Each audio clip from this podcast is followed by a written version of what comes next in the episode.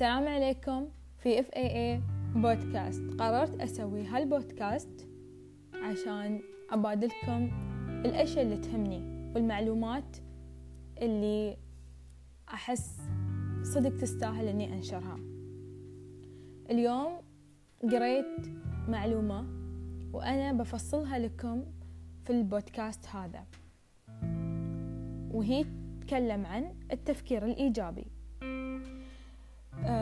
الجملة تقول التفكير الإيجابي أول طريق للهدوء النفسي. كيف؟ من منظوري الخاص لازم أنظر للأمور بطريقة إيجابية لو كل الأشياء اللي حوالي مش ضابطة ثاني شيء ضروري أنا وأنتو نشكر الله على الأشياء الموجودة حاليا ونمتن لها. ثالث شيء نحاول نركز على الأشياء اللي في إيدنا ونستعملها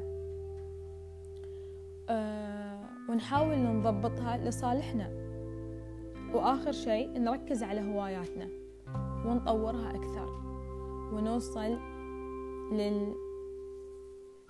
للمركز اللي نحن نستحقه إن كان هواية بسيطة أو إن كان هواية معقدة.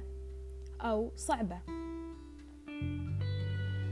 بإذن الله أتمنى هالموضوع إنه يساعد البعض وإن شاء الله كثر ما أقدر أه بتكلم عن هالمواضيع